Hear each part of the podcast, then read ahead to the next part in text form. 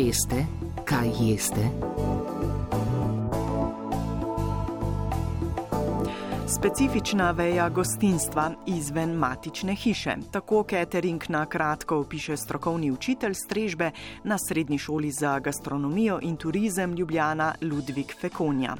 Gostincev, ki se ukvarjajo tudi ali samo s to dejavnostjo, je danes pri nas že zelo veliko. Za dober catering pa sta najprej pomembni dobra organizacija in ekipa.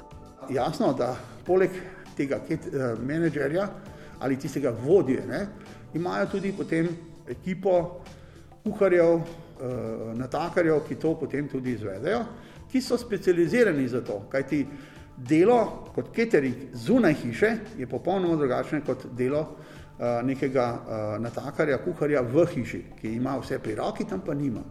In zato mora biti zelo dobro planirano, kaj vse mora, kako mora, dokdaj mora in tako naprej pripraviti, da lahko tak obrok tudi izvedemo izven hiše bo na mestu postrežbe dostop do tekoče vode, dovolj elektrike, kakšen bo inventar, koliko gostov bo prišlo. Na vse to mora misliti izvajalec.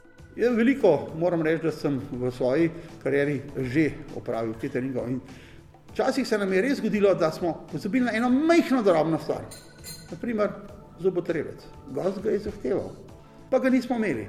Ja, zanimivo, čeprav danes po bontonu ne naj ne bi več bil zobotrebec tisto, kar bi mi prinesli. Ne?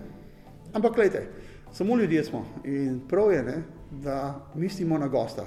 Kajti dober vodja predvidi čist vse nepredvidljive stvari in je pripravljen, da to tudi izvede.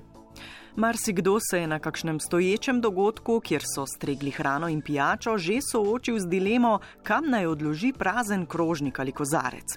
To je zato, ker se ta firma, ki to pripravi, ne pripravi dobro in ne da dovolj možnosti, to se pravi mis, odlagalnih mis, da lahko gostje prosto oddajo, pustijo, strežno osebe pa pravočasno to tudi pospravi. Zato moramo tudi pripraviti vse, kar je potrebno.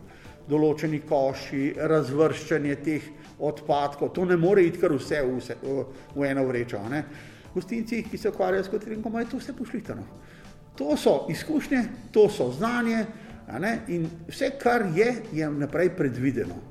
Nič ne prepuščamo na ključju. Slaba catering hiša ima premalo strežnega osebja, dodaja Ludvik Fekonja. Na takšnem stoječem dogodku naj bi praviloma stregel en natakar na 40 ljudi, vendar ta natakar ne sme biti zadolžen za vse. Ampak mi imamo pri cateringu, kadar je stoje, imamo mi nekoga, ki hrano nosi, nekoga, ki deservira in nekoga, ki skrbi za pijačo. E, to se pravi, imamo te ekipe jasno postavljene in tudi tam je treba jasno vedeti, kako in kaj. Sama organizacija je izredno zahtevna ali pa izredno lahka. To je stvar vsake uigrane ekipe. Bistvo je, da gost ne čuti, da smo mi nepripravljeni, da mi ne skrbimo za tisto, kar moramo, in da gost ne ve, kaj bi kam dal ali pa kje bi kaj vzel. Zgodi se tudi, da je osebja, ki dopolnjuje, ko česa zmanjkuje, premalo. Ni pribora, ni serjetov, ne, ne morejo priti do pijače, ker ni dovolj na tako, da bi jim ponudili postregali in tako naprej. Zmanjka kozarcev, ne, zato ker catering hiša ne prinese dovolj kozarcev na lice mesta ali nimajo možnosti, da bi jih sproti pomili in tako naprej. Teh stvari mislim, da je kar nekaj, lahko rečem, da sem jih veliko krat opazil. In kar je najbolj pomembno, ne? tudi ljudje, ki strežejo, morajo biti seznanjeni s tem, kaj nudijo. In to je pa tista stvar dobrega vodja, da jih prej, pred samo preditvijo tudi obvesti, da jih nauči in da oni to znajo gosto tudi. In to je največji problem. Oni morajo vedeti, kaj je, ne pa da, joj, ne vem, bom šel vprašati. To pomeni to, da mi imamo osebje, ki nima pojma, ki ne ve, zakaj je tam, ampak je tam. Strežno osebje ima ponavadi tudi jasno določene rajone gibanja. Bistvo je, da je vse pravočasno pospravljeno, očiščeno, kajti gost, ko stopi za odlagalno mizo ali pri odlagalni mizi ali pri barski mizi, pomeni, mora imeti čisto. Ali če stoji s praznim kozarcem? Jaz bom tako rekel, ne? strežno osebje ni plačano po kilometru, ampak po učinkovitosti. Se pravi, on mora zaznati, ko gre, mora videti gosta, ne, da drži kozarec in pristopi k njemu in reče: Dovolite, mu ponudi svojo taso, da gost odloči, ali mu pa vzame in da na svojo taso. On je tisti, ki pravzaprav prvi spozna, da gost želi nekaj, da pa nima možnosti. Kozarec ali pa ne vem, sredo, nabodalo, karkoli že odda go, temu natakarju na pladen, to je pa pomembno, ne?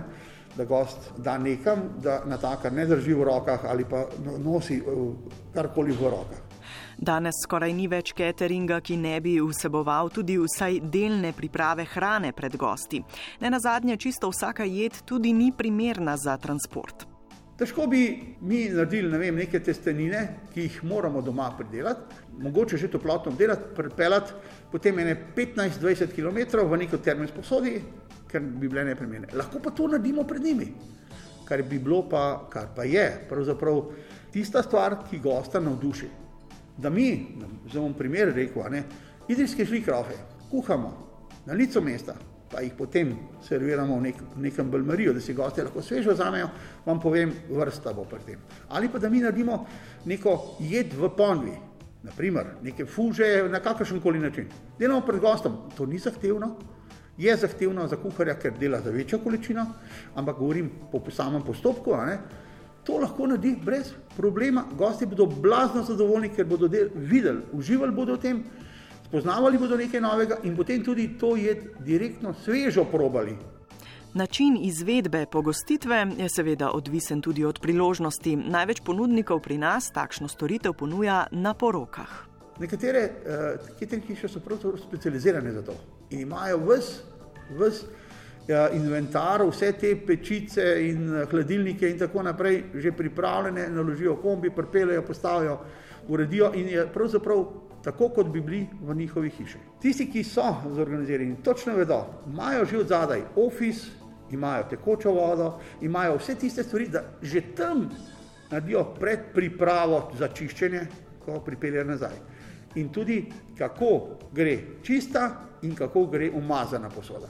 Jaz pravim, catering je zahtevno za organizirati, ampak ko enkrat postaviš vse te pogoje oziroma eh, točke, kako poteka vse to, je potem to samo z lakoto opraviti.